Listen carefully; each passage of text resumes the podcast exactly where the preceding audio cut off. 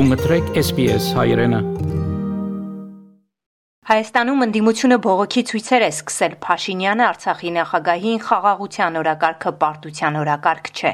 Թուրքիայի խորհրդարանի հայ պատգամավոր Կարո Փալյանի դեմ հաղորդում է ներկայացվել կապված հայոց ցեղասպանության ճանաչման մասին նրա ներկայացրած օրինագծի հետ։ Այս եւ այլ նորությունների մասին այժմ մանրամասն։ Վիեննայում մայիսի 3-ին Հայաստան-Թուրքիա կարգավորման գործընթացի շրջանակներում տեղի կունենա երկու երկրների հատուկ ներկայացուցիչների հերթական հանդիպումը այս մասին հայտնում է Հայաստանի արտգործ գործնախարարությունը։ Հայաստան-Թուրքիա կարգավորման գործընթացի հատուկ ներկայացուցիչներ Հայաստանի ազգային ժողովի նախագահի տեղակալ Ռուբեն Ռուբինյանի եւ դեսպան Սերդար Քլչի առաջին հանդիպումը տեղի է ունեցել հունվարի 14-ին Մոսկվայում, երկրորդ հանդիպումը կայացել էր փետրվարի 24-ին Վիեննայում։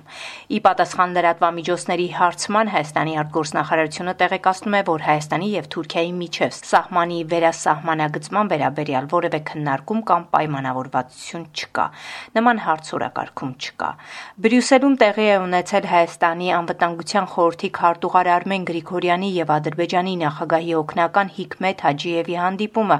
Ավելի վաղ Գրիգորյանը հայտարարել է, որ Հաջիևի հետ քննարկելու են մի շարք հարցեր Հայաստան-Ադրբեջան հարաբերություններին վերաբերող, եթե մենք կարողանանք այն բոլոր հարցերի պատասխանները ստանանք Բրյուսելում, ապա կարող ենք նաև քննարկել երկրի առաջնորդների մակարդակով հանդիպում Բրյուսելում, ասել է Գրիգորյանը։ Հայաստանի արտգործնախարար Արարատ Միրզոյանը աշխատանքային այցով Ամերիկայի Միացյալ Նահանգներում է մասնակցելու հայ-ամերիկյան ռազմավարական երկխոսության նիստին։ Վաշինգտոնում Արարատ Միրզոյանը նաև հանդիպել է Միացյալ Նահանգների պետքարտուղար Էնթոնի Բլինքենի հետ, հանդիպումներ կունենա նաև ամերիկացի մի շարք այլ պաշտոնյաների, ինչպես նաև Միացյալ Նահանգների կոնգրեսի բարձրաստիճան ներկայացուցիչների հետ։ Միրզոյանը օրեր առաջ էլ աշխատանքային այցով Հնդկաստանում էր Նյու Դելիում Ռասինայի երկխոսություն համաժողովի շրջանակներում մասնակցել է Հնդկաստանի վարչապետ Նարենդա Մոդիի հետ տեղի ունեցած հանդիպմանը քննարկվել են ժամանակակից աշխարհի տարբեր մարտահրավերների հաղթարման ուղիները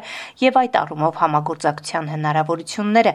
Նյու Դելիում տեղի ունեցած հայ-հնդկական գործարար համաժողովի բացման արարողությանն իր ելույթում Հայաստանի արտաքին գերատեսչության ղեկավարն ասել է, որ տարի Տարիների ընթացքում Հնդկաստանը դարձել է մեր կարևոր տնտեսական գործընկերը, միևնույն ժամանակ կա չօգտագործված հսկայական ներուժ, որի իրացման համար մենք պետք է աշխատենք միասին։ Ներքաղաքական իրադարձություններ մի քանի օր շարունակ Հայաստանի ընդդիմադիր մի շարք ուժեր բողոքի ցույցեր են անցկացնում անհնազանդության ակցիաներ մայրաքաղաք Երևանում եւ մարզերում։ Ընդդիմությունը պնդում է, որ մայիսի 1-ի ցույցին մասնակցել է 40-ից 50 հազար մարդ։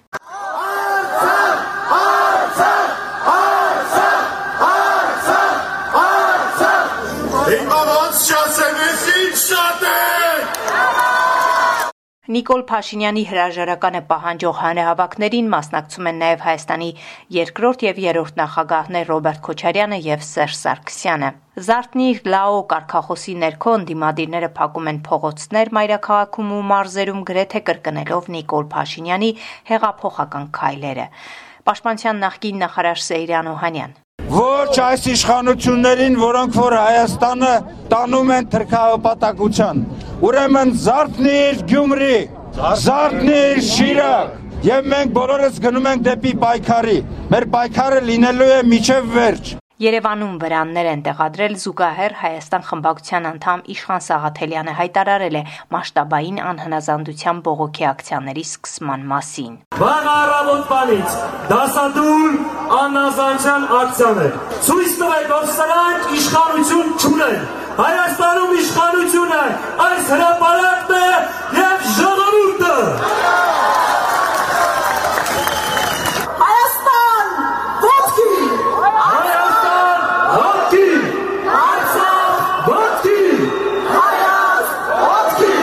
Ընդդիմության մայիսի 2-ի ակցիաներն ուղեկցվել են բախումներով ու բռնություններով ոստիկանների եւ ակցիայի մասնակիցների միջև։ Արցախ. Արայիկ Հարությունյանը Երևանում հանդիպել է վարչապետ Նիկոլ Փաշինյանի հետ, վերջինս եւս մեկ անգամ հավաստիացրել է խաղաղության օրակարգը պարտության օրակարգ չէ, այլ անվտանգության Հայաստանի եւ Արցախի համար։ Եվս մեկ անգամ ուզում եմ արձանագրել,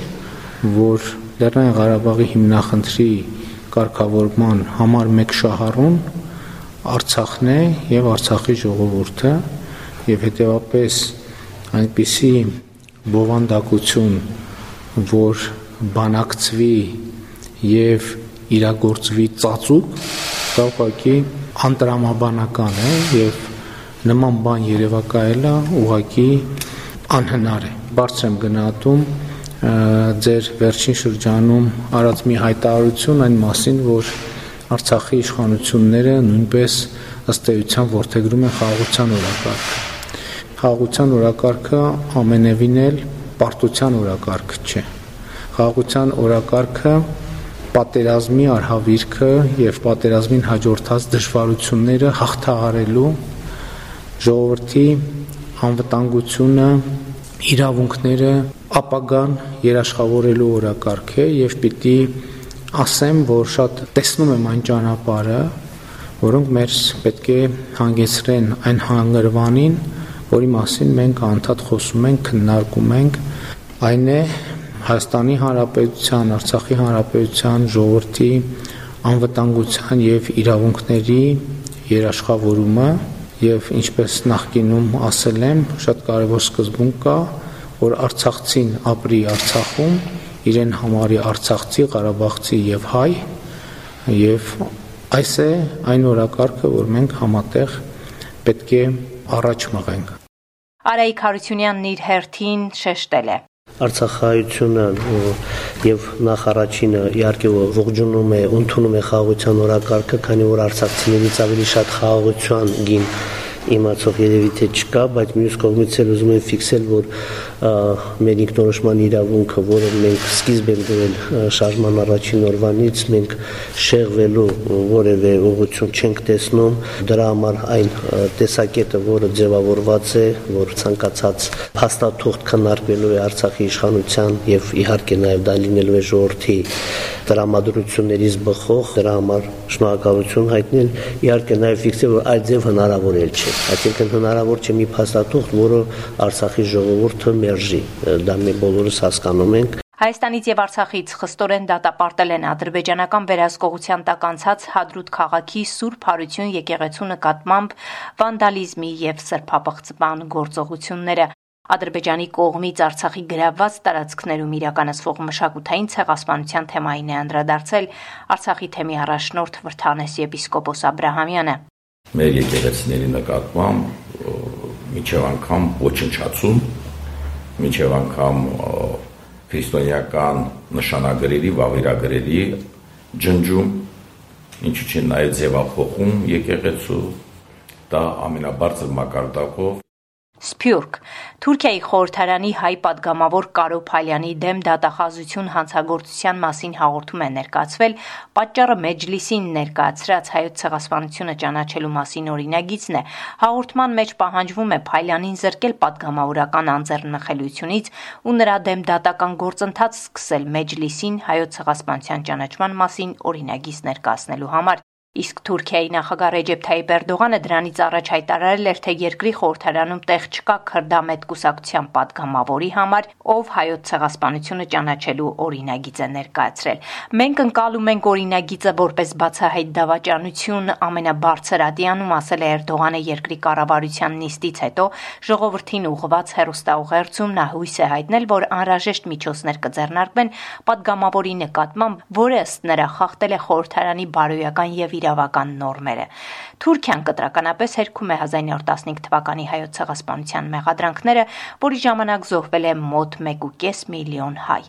Թուրքիայի արտգործնախարարությունը ապրիլի 24-ին դատապարտել է Միացյալ Նահանգների նախագահ Ջո Բայդենին, որը կատարվածը հերթական անգամ ցեղասպանություն է անվանել։ Միացյալ Նահանգների կոնգրեսում կայացել է հայոց ցեղասպանության 107-րդ տարելիցին նվիրված ողեկոչման միջոցառում, որին ներկա են գտնվել Սենատի եւ Ներկայացուցիչների պալատի տասնյակից ավել անդամներ, կոնգրեսի աշխատակիցներ, հայ համայնքային կառույցների ներկայացուցիչներ, Միացյալ Նահանգներում Արցախի ներկայացուցիչը եւ այլք։ Միջոցառման ընթացքում օրենսդիրներն իրենց ելույթներում ընդգծել են տարիներ շարունակ հայոց ցեղասպանության ճանաչմանն ուղված իրենց գործադրած ջանքերը, որի արդյունքում կոնգրեսի երկու պալատներն ընդունել են համապատասխան բանաձևեր։ Եվ վերջում մայիսի 1-ից Հայաստան մուտք գործելիս այլևս PCR տեստ կամ պատվաստման սերտիֆիկատ ներկայացնելու կարիք չկա։ Այդ պահանջը հանվել է հաշվի առնելով կորոնավիրուսային հիվանդության դեպքերի նվազման ցուցանիշը։ Այսքանը ասնող շաբաթը Հայաստանում, Արցախում եւ Սփյուռքում։ SBS-ի համար ամփոփեց Գիտա Իլբեկյանը։ Հավնե, լայք, բաժնեկցե, դարձիկը թայտնե, հետեւե SBS հայրենին թիմադեդի վրա։